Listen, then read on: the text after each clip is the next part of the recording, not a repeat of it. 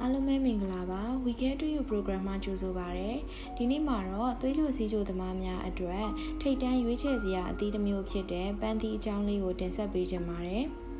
သွေးကြိုစီးကြိုသမားများအဖို့အသီးစားဖို့ရွေးချယ်တဲ့အခါမှာပန်းသီးက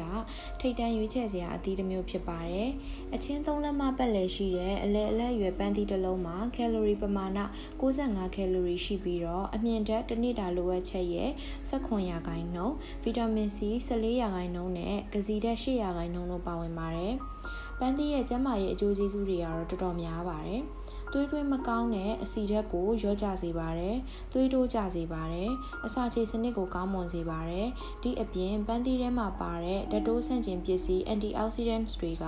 ကင်ဆာဖြစ်ခြင်းမှာလည်းကာကွယ်ပေးနိုင်ပါသေးတယ်။အလွယ်တကူဖိုက်ပြည့်စေတဲ့အစာခံနိုင်တယ်ပြီးတော့ကိုယ်အလေးချိန်လျှော့ချရမှာလည်းတစ်ဖက်တစ်လမ်းကနေအထောက်အကူဖြစ်ပါသေးတယ်။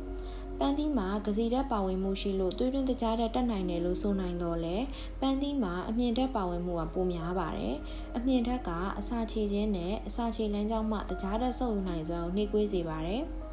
ဒီအပြင်ပန်းသီးအခွန်မှာပါတဲ့ polyphenols လို့ခေါ်တဲ့ drug ပေါင်းတွေက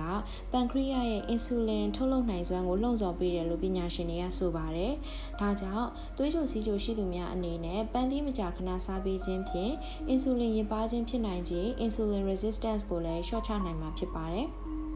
ဒါပေမဲ့စားတဲ့အခါမှာတော့အသေးကြီးတသက်စားဖို့လိုပါတယ်။ပန်းသီးရဲ့အာဟာရတန်ဖိုးအများစုကအခွန်မှာပါဝင်တဲ့အတွက်အခွန်မှာစားပေးသင့်ပါတယ်။